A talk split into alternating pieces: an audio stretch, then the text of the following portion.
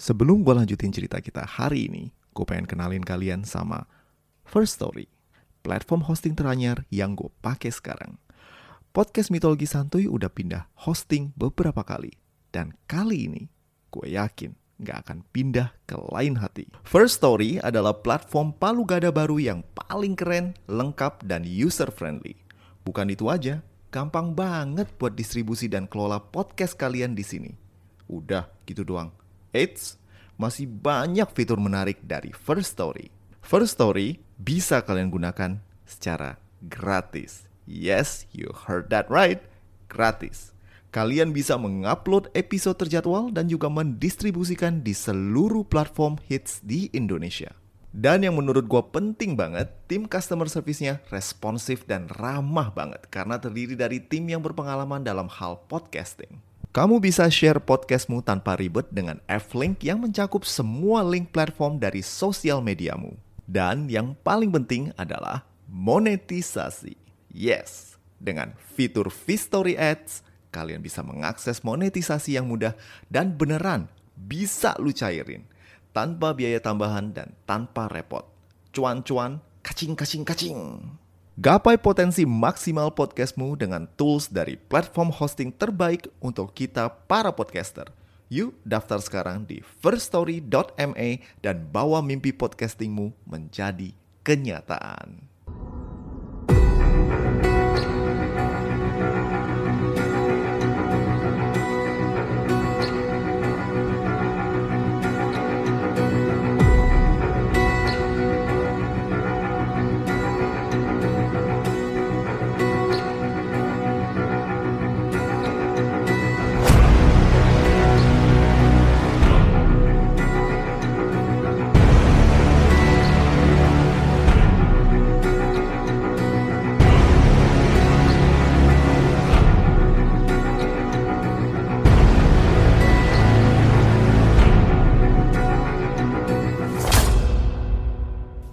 Ada sesuatu yang tidak bisa dimengerti oleh kalayak ramai tentang arti suatu penantian. Apalagi jika penantian tersebut adalah penantian akan seseorang yang telah pergi bertahun-tahun lamanya. Walau kesetiaan dipandang mulia, namun menantikan seseorang yang telah pergi belasan tahun lamanya tanpa kabar dianggap adalah suatu kesia-siaan atau mungkin kebodohan untuk banyak orang. Apalagi kalau sang penanti adalah gadis muda yang kini telah belasan tahun lebih tua dari saat ia ditinggalkan. Harapan akan tibanya sang kekasih dipegang teguh oleh sang gadis yang menaruh asa dan masa depannya pada kekasihnya, seorang musisi terkenal yang entah di mana rimbanya kini. Mungkin ini yang dipandang bodoh oleh orang-orang seperti Aristeus, si gembala yang merindukan balasan cinta dari Eurydice, kekasih Orpheus. Aristeus tak bisa mengerti bagaimana Eurydice menyia-nyiakan masa mudanya di mana dirinya bagai kembang yang harum merekah wangi perlahan direnggut oleh sang waktu dan penantian tanpa akhir. Orpheus yang dinantikannya mungkin sudah tewas dalam pelayaran penuh mara bahaya menuju Kolkis. Atau mungkin ia telah berpaling hati ke gadis-gadis di kota-kota yang ia kunjungi. Hanya Helios dan Zeus yang tahu apa yang dilakukan oleh pria kenamaan seperti Orpheus di tanah yang jauh. Namun tetap, Eurydice memegang teguh harapan dan tak terpengaruh oleh ucapan nyinyiran tetangga serta sang waktu yang mulai merenggut masa mudanya. Teman-teman sebayanya kini telah menikah. Bahkan banyak yang telah memiliki anak. Bahkan ada juga anak dari teman-temannya yang telah bertunangan dan siap untuk menikah. Beneran deh, lu mikir apaan sih, Dis? Dan ini terjadi di zaman kuno, di mana nggak ada WhatsApp, nggak ada video call yang bisa mengobati kangen ketika LDR. Cih, LDR, hubungan macam apa itu? No offense, gua nggak percaya sama LDR, apalagi LDR model Eurydice sama Orpheus. Tapi lagi-lagi, dan udah nggak tahu berapa kali gue ulang kalimat ini, Eurydice memegang teguh pengharapan akan kedatangan kembali Orpheus. Dan kadang, para nasib bisa berpihak pada bucin yang naif. Di satu hari yang cerah, Di musim semi, saat bunga-bunga bermekaran dan angin sepoi-sepoi bertiup menggoyangkan ranting pohon depan rumah Eurydice, suara ketukan pun terdengar dari pintu. Eurydice kali ini lebih waspada. Belajar dari pengalaman yang lalu ketika Orpheus yang dinanti, tapi Aristeus yang muncul. Eurydice memegang belati di tangan kanannya. Eurydice membuka pintunya perlahan, dan sinar mentari menyeruak hanya terhalang oleh satu sosok pria yang ternyata telah lama dinantinya. Eurydice spontan menjatuhkan belatinya dan memeluk sosok tersebut yang adalah Orpheus yang telah kembali dari perjalanan menghantar Jason mengambil kulit domba emas. Orpheus memeluk Eurydice dan keduanya berpelukan tanpa mempedulikan waktu. Tak sepatah kata pun terucap hanya pelukan dan ciuman hangat yang menjadi pelampiasan rindu yang lama tersimpan. Ya, Orpheus, sang musisi telah kembali dengan selamat dan dengan demikian berakhir pula penantian Eurydice.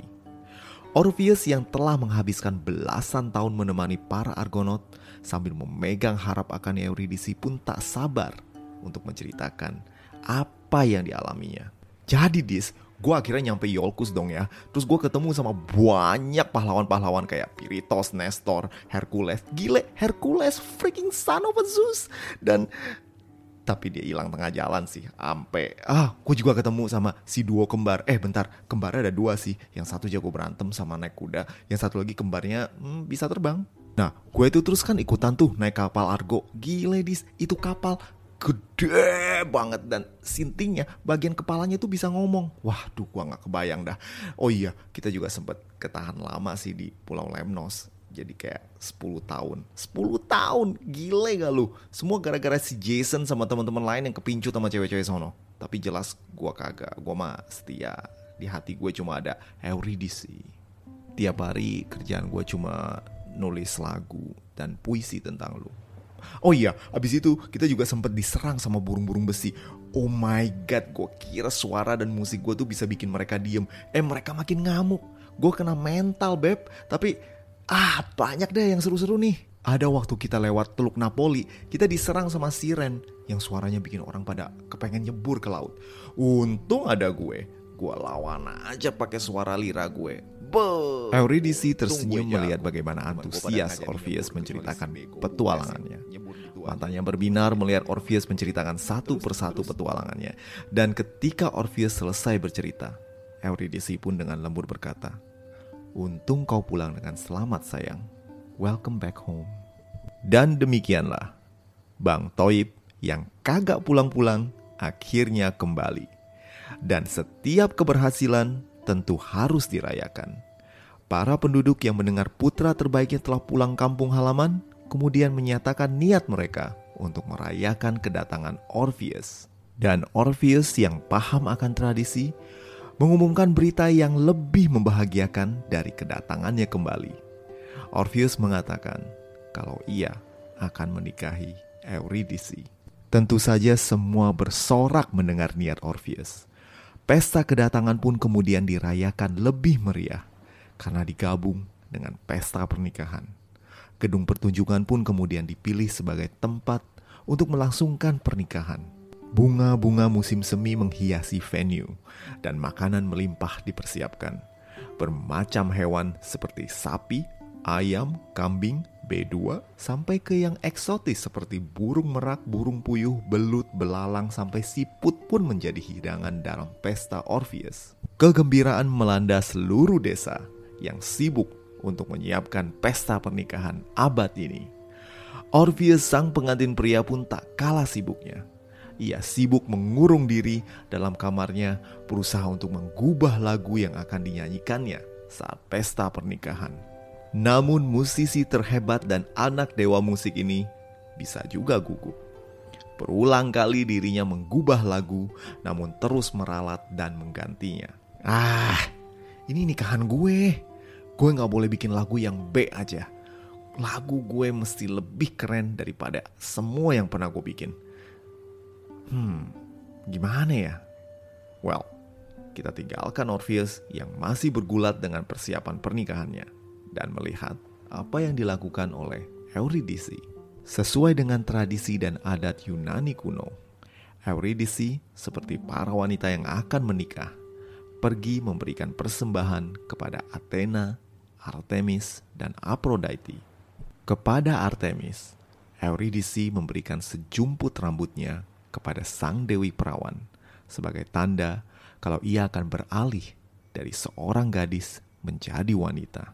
Kepada Athena, dirinya mempersembahkan minyak zaitun, susu, dan madu berharap akan kebijaksanaan sang dewi akan menjadi bagian dalam kehidupannya sebagai seorang istri. Apel, madu, dan susu adalah bagian untuk Aphrodite sebagai terima kasih sekaligus harapan akan cinta Orpheus kepadanya abadi. Semua ritual ini kemudian dilanjutkan dengan mandi di telaga yang dinyatakan suci oleh Hera, dewi yang erat hubungannya dengan pernikahan. Seperti Hera yang memperbaharui keperawanannya dengan mandi di Pulau Samos. Eurydice mandi di telaga ini dengan harapan kembali terlahir baru dan siap untuk mengarungi hidup baru dengan Orpheus. Eurydice menikmati waktunya di telaga seolah menyadari bahwa dirinya akan beralih ke kehidupan yang baru bersama pujaan hati yang telah lama dinanti. Ah, bakal seperti apa dirinya sebagai seorang istri? Akankah dirinya ikut Orpheus ke mana pun ia mengadakan konser? Apakah dirinya bakal kena julid para fans Orpheus yang kebanyakan gadis-gadis muda? Atau dirinya malah diajak duet oleh Orpheus dan mereka akan jadi pasangan superstar di Yunani?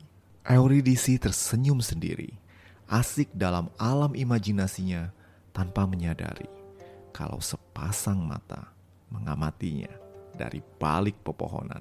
Mata yang penuh dengan nafsu tak terlampiaskan dan hal yang menghalangi niatnya hanyalah perlindungan Hera terhadap yang mandi di telaganya. Sang Ratu Olympus bukanlah dewi yang pemaaf dan tentu saja sosok tersebut tak berani menyergap Eurydice di telaga sucinya. Siapa sosok tersebut? Tentu saja si gembala yang cintanya ditolak berulang-ulang oleh Eurydice, Aristeus. Mendengar Eurydice akan menikah dengan Orpheus, sang gembala berniat untuk tak lagi main alus dan akan menyergap Eurydice setelah keluar dari telaga Hera. Ini adalah kesempatan terakhirnya untuk memiliki Eurydice. Aristeus dengan sabar menunggu mangsanya sambil menikmati apa yang dilihatnya. Dasar pervert. Setelah menyucikan dirinya di telaga Hera, Eurydice pun kemudian berpakaian dan pergi dari telaga suci tersebut. Dan seolah telah menjadi bagian dari rencana yang matang, Aristeus muncul tiba-tiba. Eurydice terkejut melihat sang gembala yang tiba-tiba berada di hadapannya. Eurydice yang pandai membaca gelagat melihat Aristeus tak memiliki niat yang baik terhadap dirinya. Tanpa basa-basi, Eurydice berlari menghindari sang gembala. Tentu saja, Aristeus tak ingin kehilangan mangsanya. Sang gembala berlari mengejar Eurydice di tengah rimbunnya hutan. Eurydice yang menghabiskan waktunya di hutan Trakia semenjak lahir, tahu pasti seluk-beluk hutan ini dan dirinya pun bersembunyi sambil mengambil nafas. Aristeus yang biasanya ngangon kambing di padang rumput tak terbiasa dengan kontur hutan yang rimbun dan bagai selasar. Tak butuh waktu lama bagi Eurydice untuk berlari kabur dari Aristeus. Sang gadis tersenyum. Si gembala bau kambing tak bisa menangkapnya. Namun, seolah nasib berkata lain. Lolos dari Aristeus, Eurydice jatuh ke dalam pemangsa yang lain. Sang Dara tak menyadari kalau tempatnya bersembunyi adalah sarang ular beludak yang ganas. Senyum sang gadis pun berubah menjadi ekspresi kesakitan saat seekor ular mematuk betisnya. Eurydice menahan mulutnya dengan tangan berusaha menghalangi suara keluar dari mulutnya dan menarik perhatian pengejarnya yang telah pergi ke arah lain. Namun ketika matanya melihat rupa binatang yang memagutnya, Eurydice pucat pasi. Ular beludak. Oh, tidak. Orpheus, hanya sampai di sini jodoh kita. Air mata mengalir dari mata indah sang gadis yang kemudian terkulai lemas dan mulai kehilangan kesadaran. Eurydice tumbang tak sadarkan diri. Sementara itu, sang pengantin pria mulai cemas karena pesta sudah siap dan hadirin telah tiba. Namun sang kekasih hati belum juga muncul. Dan hari pun sudah menjelang sore. Sudah lewat tiga jam dari pemberkatan pernikahannya. Ah, ke mana dia? Apakah ia berubah pikiran? Ah, gak mungkin. Eurydice sudah menunggunya selama belasan tahun. Tak mungkin ia ingkar. Apakah ada sesuatu yang terjadi padanya? Orpheus pun panik. Dan salah satu dari wanita yang mempersiapkan pernikahannya mengatakan adalah suatu kebiasaan bagi para wanita Trakia untuk mandi di telaga Hera. Orpheus tanpa berkata apa pun beranjak pergi, berlari menuju tempat yang disebutkan. Dan sambil memanggil-manggil Eurydice, sang musisi berusaha mencarinya. Keringat dingin mengalir, dan rasa dingin yang menusuk tiba-tiba menggenggam raga Orpheus saat dirinya mendengar suara lirih Eurydice dari balik semak. Dan sang pengantin pun menemukan kekasihnya. Terbaring, tak berdaya, tak sanggup bergerak dengan bekas gigitan ular di betisnya. Muka Orpheus pucat pasi melihat keadaan Eurydice yang terkapar lemas. Sang musisi berlari dan berusaha menyelamatkan Eurydice dengan sedikit pengetahuan medis yang diketahuinya. Orpheus cintaku, sudahlah, sampai di sini jodoh kita Maafkan aku yang tak sanggup menemanimu sampai akhir hidupmu. Dengan kata-kata ini, Eurydice berpamitan dan jiwanya pergi meninggalkan raganya yang terkulai lemah di pelukan Orpheus.